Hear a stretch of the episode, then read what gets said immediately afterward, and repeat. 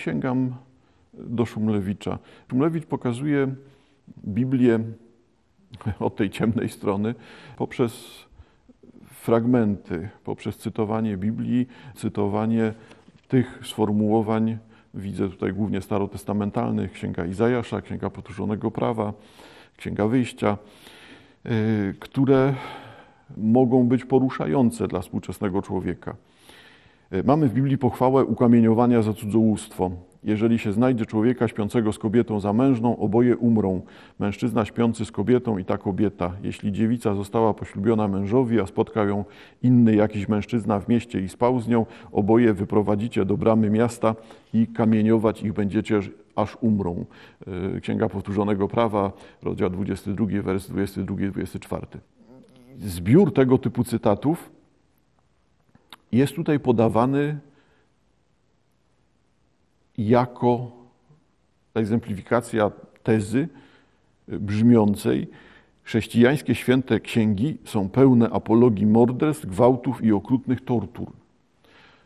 No, jednak tak, tak zbyt śmiałe określenie, bo e, to są cytaty ze Starego Testamentu, cytaty z innego kontekstu kulturowego i z innego sposobu funkcjonowania społeczeństwa. E, trudno nazwać je de facto chrześcijańskimi. Stąd tego typu zabiegi, które przywołują tekst biblijny i gromadzą przykłady z tekstu biblijnego tego typu ostrych, no, brutalnych, czy też będących nawoływaniem do e, mordu fragmentów, no, niekoniecznie stanowią motywację chrześcijaństwa. No ale tutaj jesteśmy znowu w tym miejscu, w którym byliśmy. E, Biblia jest dziełem historycznym, jest dziełem wielu autorów, dotyczy wielu epok e, w historii. Nie da się jej czytać w ten naiwny sposób e, jako głosu Boga zawsze aktualnego. Chociaż nie ukrywam, że katolicyzm, jak wspominałem wcześniej, z tym z tą rytualnością, czy też magicznym podejściem do Biblii, sprzyja temu, aby katolik traktował Biblię w taki sposób. Czyli całość Biblii jest głosem Boga i całość Biblii należy stosować jeden do jeden w czasach współczesnych. No bo Biblia jest zbiorem ksiąg napisanych pod natchnieniem Ducha Świętego i tak dalej. E, czyli odmienność funkcjonowania tego tekstu, inne podejście do tego tekstu owocuje właśnie tą rozpiętością, że z jednej strony Biblia jest napisana pod natchnieniem Ducha Świętego dla chrześcijan, a z drugiej strony dla ateisty stanowi ona przykład nieporozumienia, przykład zbioru norm, które są nieakceptowalne. Wobec tego, do czego potrzebne to jest Szumlewiczowi? No, do wyprowadzenia następującego wniosku, cytuję. Duchowni największych kościołów wiedzą, że zachęty do zabijania nie byłyby dzisiaj przychylnie odbierane, ale wręcz mogłyby stać się przyczyną interwencji organów ścigania, więc reinterpretują święte księgi tak, aby ich treść była akceptowalna dla większości społeczeństwa. Ponadto święte księgi często są niespójnie, jawnie fałszywe, a niekiedy wewnętrznie sprzeczne. W Piśmie Świętym są fragmenty, które stoją w opozycji do tego, co co ludzkość wie o świecie. W księdze Genesis można przeczytać, że Bóg najpierw stworzył ziemię, potem rośliny, potem księżyc, gwiazdy i słońce. Tymczasem wiadomo, że rośliny nie mogą żyć bez słońca.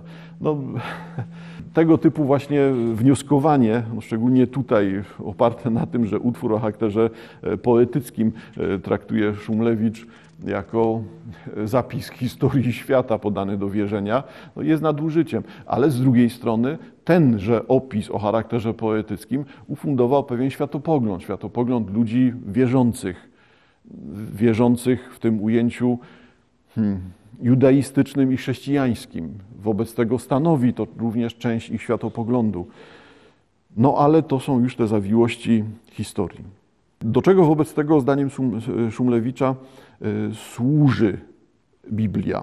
Najwyżsi hierarchowie Kościoła przywołują zatem literalne brzmienie świętych ksiąg, gdy im to pasuje, ale czasem dokonują kompletnie arbitralnych interpretacji zawartych w nich treści. Innymi słowy, duchowni przywołują święte księgi po to, by wierni uznali ich słowa za obowiązujące i niepoddawalne krytyce. A zarazem ci sami duchowni mają monopol na wykładni Biblii. W związku z tym, nawet jeśli wizja świata i Boga głoszona przez Jana Pawła II nie miała związku z Biblią, to papież mocą swojego autorytetu ten związek zapewniał. Ostatecznie więc święte księgi są instrumentami władzy wykorzystywanymi przez przywódców religijnych do umocnienia ich panowania. Gdy dana interpretacja świętych ksiąg prowadzi do odpływu wiernych, hierarchowie religijni zawsze mogą ją zmienić. No i tutaj wygląda na to, że jesteśmy, Szumlewicz i ja, zgodni. Docieramy do tego samego miejsca na dwa sposoby. Dla Szumlewicza Księga Święta służy wyłącznie do tego umacniania pozycji kapłanów, czy umacniania pozycji szerzej osób duchownych. No a ja z kolei widzę nawet w obrębie katolicyzmu e, właśnie z jego powierzchownością i ludową barwnością, a w takiej postaci funkcjonuje katolicyzm, e, no widzę jakby to samo, no możliwość e, użycia tej świętej księgi po to, żeby zdobywać władzę nad ludźmi, umacniać swoją pozycję, tak, albo oddalać możliwość tego, żeby ktoś kwestionował moje rządy. I dlatego merytorycznie Szumlewicz jest bardzo ciekawy jako zbiór słabości, jako punktowanie słabości Kościoła, Kościoła katolickiego tutaj i powinien być chyba czytany jako zbiór wytycznych. Skoro te słabości funkcjonują, no to nie ma sensu się obrażać, albo nie ma sensu mówić e, Szumlewicz ateista i, i nie będziemy go czytać, bo to ateista, e, tylko należałoby popatrzeć na to jako rodzaj e, zewnętrznego audytu, który Szumlewicz wykonuje. Pokazuje to, co jest słabością i pokazuje konsekwencje tych słabości. A konsekwencje tych słabości są laicyzacją, ateizacją społeczeństwa, jeżeli wolimy w taki sposób. E, I jeżeli pozostaniemy głusi bądź ślepi na tego typu głosy, to nie należy dziwić się temu, że Kościół stanie się pusty. Mam na myśli zarówno pomieszczenia, e, jak i Kościół rozumiany jako wspólnotę. E, sięgam jeszcze do paru przykładów sformułowań Szumlewicza. Są one w podobny sposób budowane. E, teza Szumlewicza: religia hamuje rozwój nauki. Początek.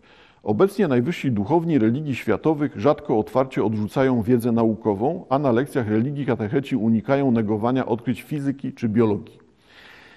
Niemniej jednak przez setki lat katolicyzm walczył z rozwojem nauki, a wszystkie największe religie świata uznają wiedzę naukową tylko o tyle, o ile nie zagraża ona dogmatom wiary.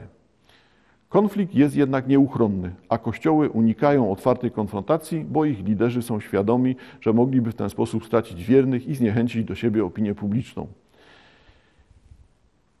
No, nie wiem, czy to będzie takie proste, ze względu na to, że to, co szczególnie widzimy w ciągu e, ostatnich lat, tych naszych pandemicznych e, czasów, e, no to działanie przeciwne. Tak? Znaczy, Kościół zyskuje zwolenników ze względu o część Kościoła, tak? część Kościoła, część duchownych, no, wyspecjalizowała się w tym, aby zyskiwać e, zwolenników, przeciwstawiając się nauce. No to wszystkie te konteksty ruchów antyszczepionkowych. Zamknięcie tego rozdziału religia hamuje rozwój nauki. Nauka osłabia religię i czyni ją na, i czyni ją na wielu obszarach zbędną. Fundamentalizmy religijne to nieporadne próby przeciwstawiania się rozwojowi wiedzy i cofnięcia świadomości społecznej o kilkaset lat ale ten proces skazany jest na niepowodzenie i nawet gdy religijni radykałowie z organizacji takich jak ISIS albo Ordo Juris przejściowo zdobywają większe wpływy, szybko wychodzi na jaw, że w praktyce sami nie przestrzegają dużej części publicznie wyznawanych przez siebie wartości, a religie wykorzystują do tego, by zdobyć wpływy i władzę. No i właśnie, trudno jest dyskutować z Szumlewiczem, jeżeli chodzi o wykazywanie współczesnych słabości e, społecznych e, czy współczesnych, no cóż, złożoności, niech będzie tak, złożoności takich y, momentów, kiedy historia y, splata się z teraźniejszością, albo teraźniejszość na pierwszy plan y, wyciąga coś typu funkcjonowanie organizacji Ordo Juris. No dobrze, ale to też jakby wykracza już poza książkę Szumlewicza. No, nie jest tutaj głównym tematem. To pojawia się w innych antyrelikarnych publikacjach. E, teza Szumlewicza. Zbawienie jest narzędziem władzy kleru. Większość religii ma swoją wizję zbawiania. Kreśli perspektywę lepszego świata, do którego trafimy po śmierci.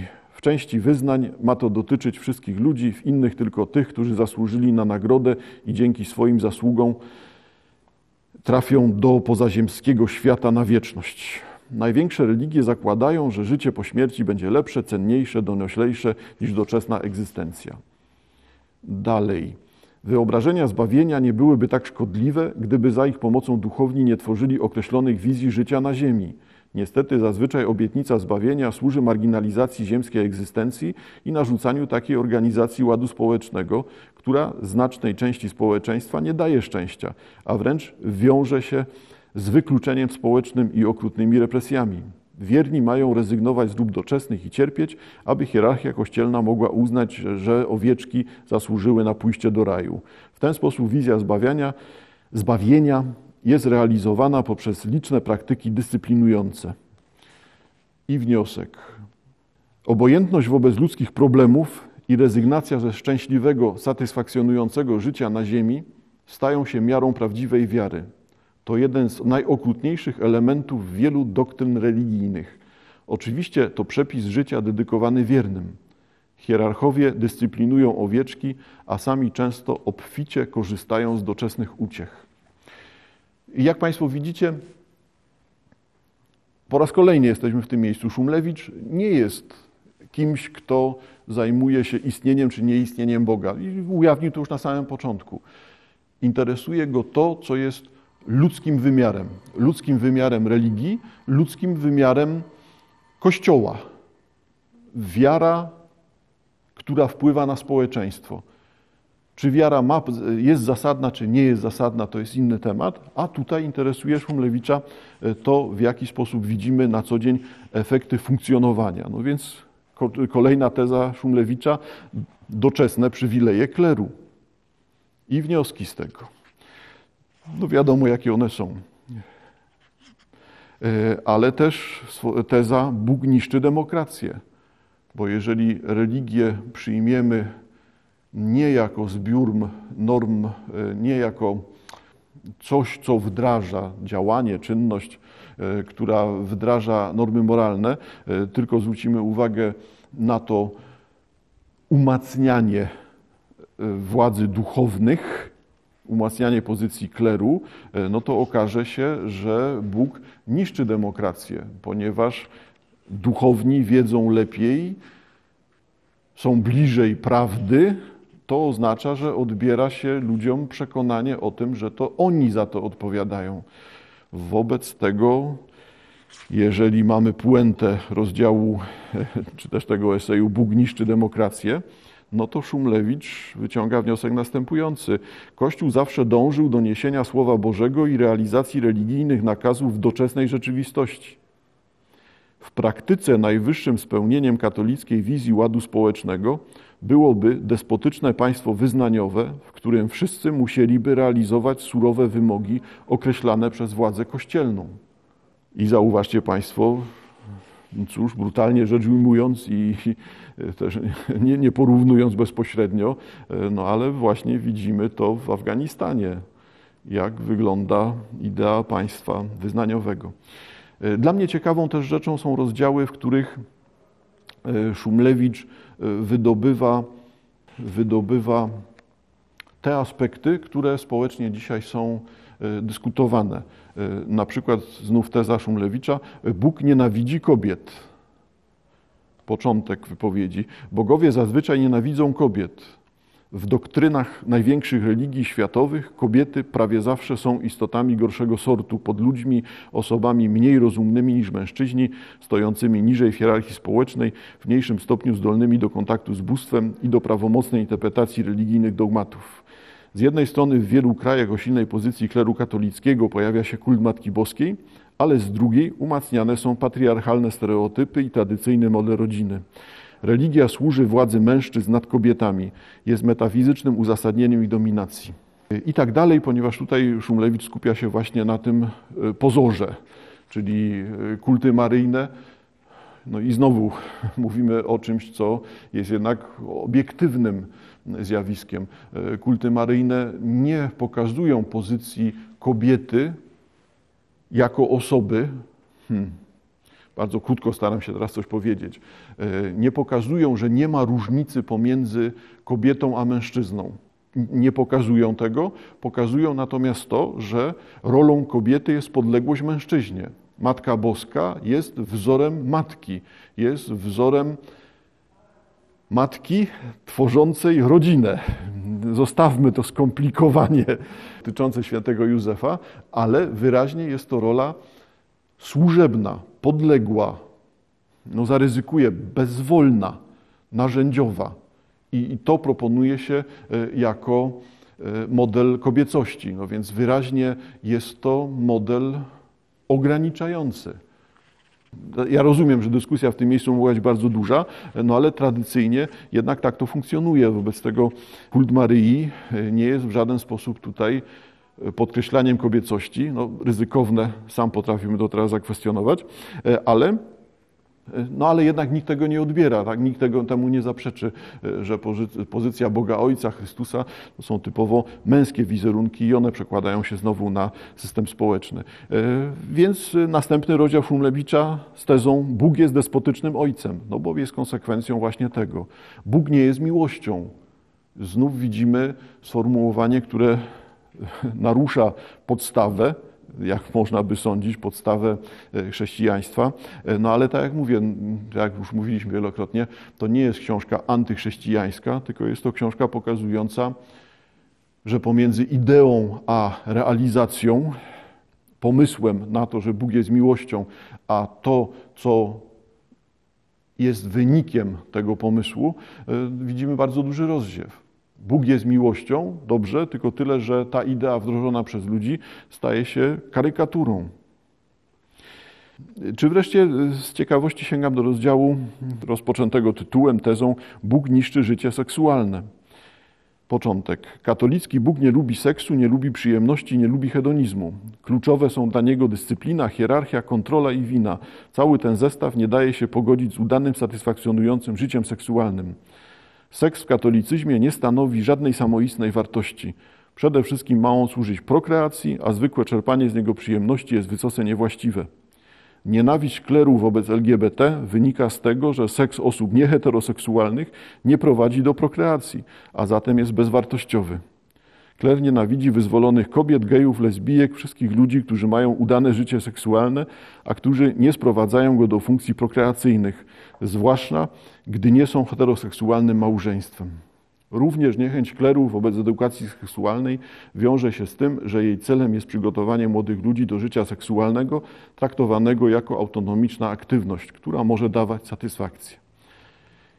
Więc widzimy to, co jest no, cóż, założeniem, podstawą, podstawą tego sporu, e, konsekwencje e, użycia seksu w religii bądź poruszania spraw seksualnych w kontekście norm religijnych prowadzą do jednoznacznego stanowiska, no, do, do tego, że seks jest czymś, co jest e, narzędziem, narzędziem służącym do prokreacji, a nie jest częścią osoby, osobistego rozwoju wniosek e, Szumlewicza. E, główną funkcją seksu w doktrynie katolickiej ma być prokreacja, więc wszelkie inne funkcje seksu na czele z przyjemnością muszą być ograniczane do minimum.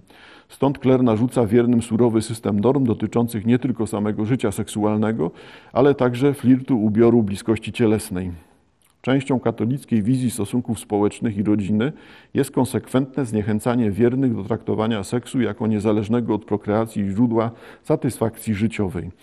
I przypisy do materiałów zamieszcza, materiałów do źródeł zamieszcza Szumlewicz pod spodem.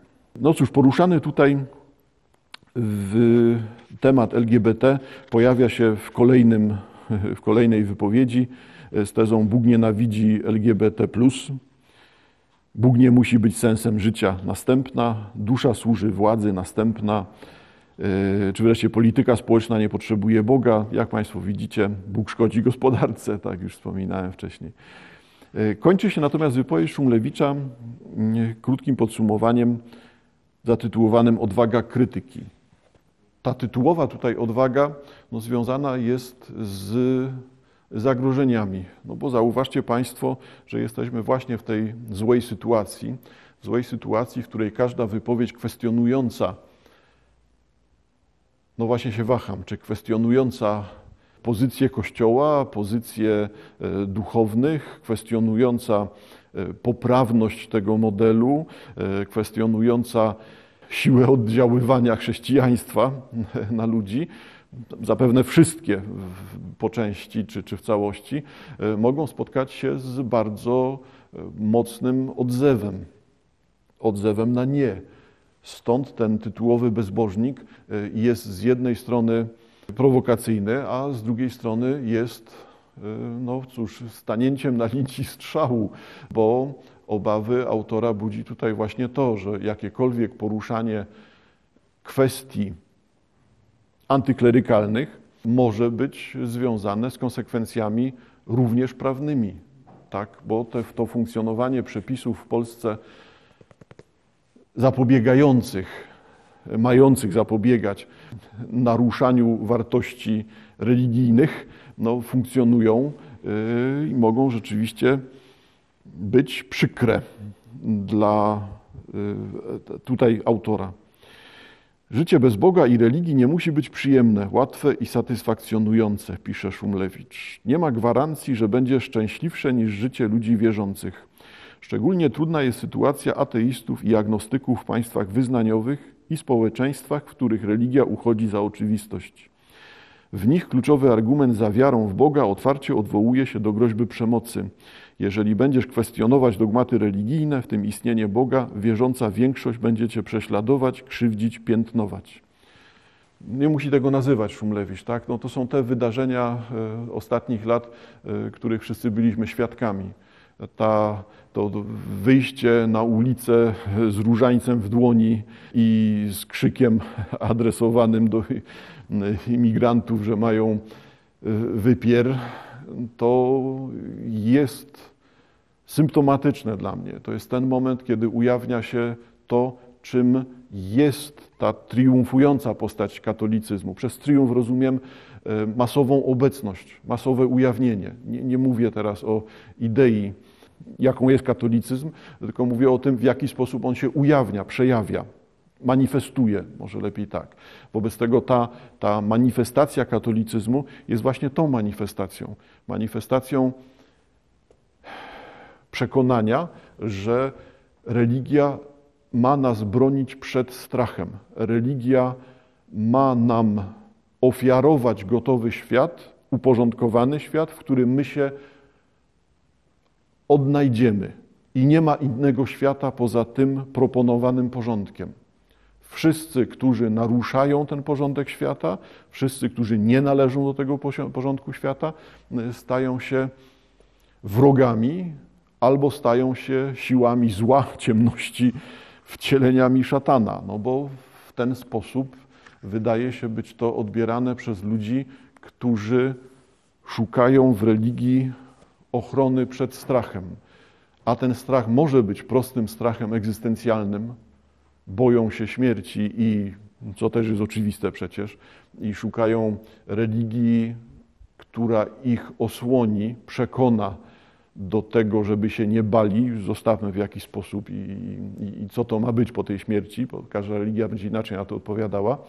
E, no ale religia może być rozumiana właśnie w ten sposób, że dla części ludzi, Wszystkie zagadnienia religijne są interesujące jako rozwiązanie, lekarstwo na strach przed śmiercią. Oczywiście, że nie można religii sprowadzić wyłącznie do tego lekarstwa na lęk egzystencjalny. Tak, ale tutaj możemy stawić dowolny inny lęk, czyli strach przed zmianą, strach przed obcymi, no wszystko to, co uruchamia człowieka, wyprowadza go na ulicę, użyjmy tego jako metafory, po prostu skłania go do manifestowania swojej przynależności do religii. W rzeczywistości nie jest to przynależność do religii, tylko jest to manifestacja tego, że posiada się tarczę chroniącą przed jakimś strachem. Manifestacje tego typu ujawniają słabości ludzi albo ujawniają potrzeby ludzi. Problem z tym jest taki, że w, zamiast pomocy dla tych ludzi, którzy manifestują swoje słabości, którzy szukają, tych ludzi, którzy szukają w religii e, ochrony przed złem świata, znowu metaforycznie rzecz ujmę, można potraktować to jako listę potrzeb i zaoferować ludziom zaspokojenie tych potrzeb, stawiając siebie w roli wybawiciela tych ludzi. Jeżeli jest zrozumiałe to, co powiedziałem, to oczywiste staje się to, że w inny sposób, równolegle do Szumlewicza, korzystając z jego sformułowań, e, podkreślam tutaj właśnie ten narzędziowy charakter religii. Rozumiem przez to taką sytuację, w której ludzie chcący uczestniczyć w tej grze, po zdiagnozowaniu potrzeb, strachów, obaw ludzi współcześnie żyjących, użyją tych strachów po to, żeby budować własną pozycję, własne wpływy, pokazywać własne osoby, demonstrować samych siebie. I docieramy tutaj właśnie do takich zjawisk, które moim zdaniem ujawniają się od lat na pierwszym planie. Y, beatyfikacja kardynała Wyszyńskiego nie służyła podkreśleniu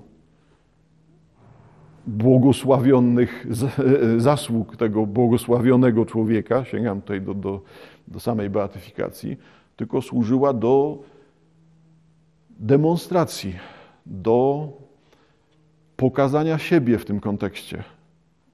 I pokazania czego? Pokazania tego, że hierarchia Kościoła katolickiego w Polsce jest tym samym, co hierarchia władzy świeckiej. Władza polityków zdobywa większą siłę poprzez podkreślenie swojego związku z hierarchią kościelną. Hierarchia kościelna umacnia się w roli władzy świeckiej i duchownej jednocześnie jakby celem działania jednych i drugich, czyli i polityków, i duchownych, było tutaj zacieranie różnicy pomiędzy władzą świecką a władzą duchowną. Bo znowu wiem, że bardzo upraszczam, no ale chodzi teraz tylko o zarysowanie pewnej sytuacji, modelu. E, no więc chodzi o to zacieranie granicy między tymi dwoma władzami, a w rzeczywistości uzyskanie tożsamości, bo to, przez utożsamienie rozumiem tutaj celowe zlanie, scalenie, współistnienie władza świecka zyskuje poprzez narzędzia religijne, a władza religijna zyskuje poprzez podkreślenie swoich wpływów, niech będzie tak, władzy duchownej. Tam nie ma miejsca na naukę, nie ma miejsca na dydaktyzm, czy też podkreślanie religijnych aspektów związanych z tym, e, z osobą błogosławionego teraz e, Stefana Wyszyńskiego. E, jest tutaj miejsce tylko na demonstrację. Siła, potęga, obecność, znowu złoty, ale skromny i, i widzimy, jeżeli Państwo nie się uwagi, no to proszę jednak zauważyć, że to było demonstracją właśnie tych grup, bo cała reszta albo sobie mogła zobaczyć coś w telewizji, albo mogła postać na zewnątrz. I tutaj nie chodzi naprawdę o e, jakieś rzeczy związane z zapobieganiem e, pandemii, bo tego zapobiegania też wśród uczestników widać nie było. Do czego zachęca, zachęcam ja i do czego zachęca Szumlewicz? Mamy inne cele. No Szumlewicz oczywiście przekonuje do swojego e, ateistycznego e, światopoglądu, chociaż jest tutaj miejsce też dla agnostyków, nie będę już do tego się odwoływał, może przy innej okazji. Co dla mnie natomiast jest interesujące, to, że e, książka Bezbożnik Szumlewicza jest książką, która moim zdaniem zawiera właśnie precyzyjną listę słabości i może hierarchia Kościoła katolickiego w Polsce powinna czytać tego typu książki, traktując je właśnie tak, jak już wspominałem wcześniej, jako rodzaj zewnętrznej kontroli. A inaczej jeszcze na tą książkę patrząc. Religijny wymiar, czy też to, to sakralny wymiar świata jest czymś, co towarzyszy nam od tysiącleci. Od tysiącleci religie pojawiają się i znikają. Każda z nich stara się przedstawiać swoją e, siebie jako wieczną, trwałą i tą jedyną. Jakby cechą religijnego światopoglądu jest podkreślanie tej wyjątkowości posiadanie i wyjątkowości posiadania jedynej recepty na, na Boga. Bo już unikam właśnie zbawienie, życie wieczne, bo religie będą w różny sposób to formułowały. E, idea Boga jest tak pojemna, że pojawi się zapewne bardzo wiele religii przez następne tysiąclecia, bo pojawiało się wiele tysiąc, przez tysiąclecia, które już minęły. Wszystkie będą głosiły ową wyjątkowość i niepowtarzalność. A idea Boga, no bo właśnie mówię o tej idei Boga i też zawahałbym się, czy z małej, czy z dużej litery tego Boga teraz nazywać, jest tak wielka, że wszystkie te pomysły, które już zaistniały i jeszcze zaistnieją, dalej nie wyczerpują tej idei. Albo popatrzmy na to z tego z punktu widzenia tego właśnie judeo-chrześcijańskiego. Bóg jest wieczny, nieskończony, niepojęty, a to oznacza, że każda nasza wiedza na temat Boga jest wiedzą cząstkową i w nikłym stopniu odpowiadającą rzeczywistości. Bóg jest dla nas kimś obcym. I może też jest to jakimś tematem Szumlewicza, czy jakimś tematem obaw ludzi albo obaw hierarchiów kościelnych, to, że wszystko jedno, ile będziemy mówić o religii, jak długo będziemy się religią zajmować, to dalej będziemy równie od Boga daleko. No tak, ale w judeo-chrześcijańskiej religii wskazanie jest takie, że chodzi przecież o drogę. Dziękuję bardzo.